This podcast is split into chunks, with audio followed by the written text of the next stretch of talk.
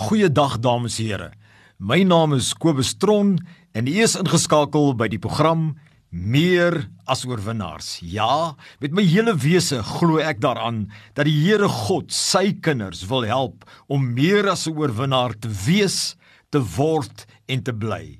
En vandag het ek weer eens 'n boodskap op my hart wat ek glo die Here op my hart geplaas het om met u te deel. Dit is weer eens 'n kort reeks en ek noem die reeks Christus in jou die hoop van heerlikheid.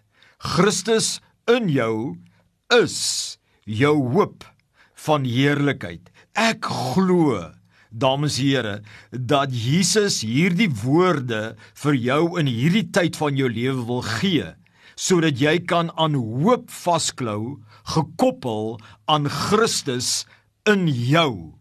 Hy in jou is die hoop van heerlikheid. Maar wat beteken dit as ek sê Christus in jou die hoop van heerlikheid? Kom ons gaan lees saam Kolossense 1 vers 27. Die B gedeelte.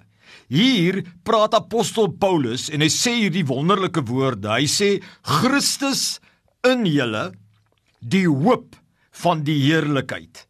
In die Engelse vertaling sê hy Christ in you the hope of glory. So wat beteken hope of glory en Christus in jou?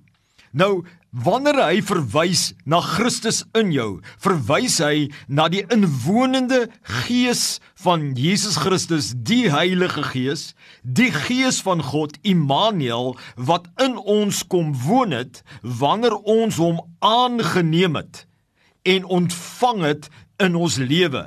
Dan kom hierdie bo-natuurlike, onsigbare Heilige Gees kom as inwonende Here in ons wese, in ons harte, in ons gees.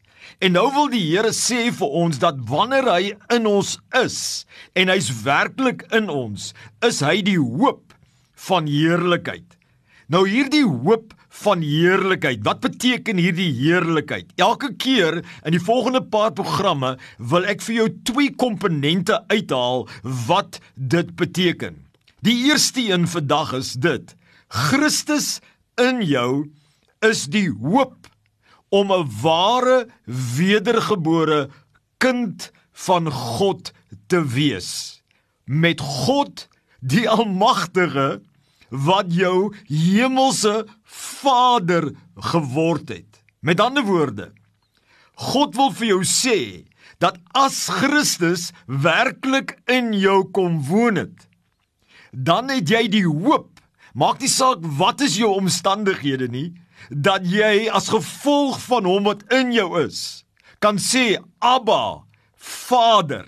Jou gees wat uitroep saam met die Heilige Gees, Abba, Vader, en jy het 'n wedergebore kind van God geword wat nou kan staat maak in die midde van storms in die midde van oorwinnings dat jy is nou nie meer net 'n natuurlike mens nie.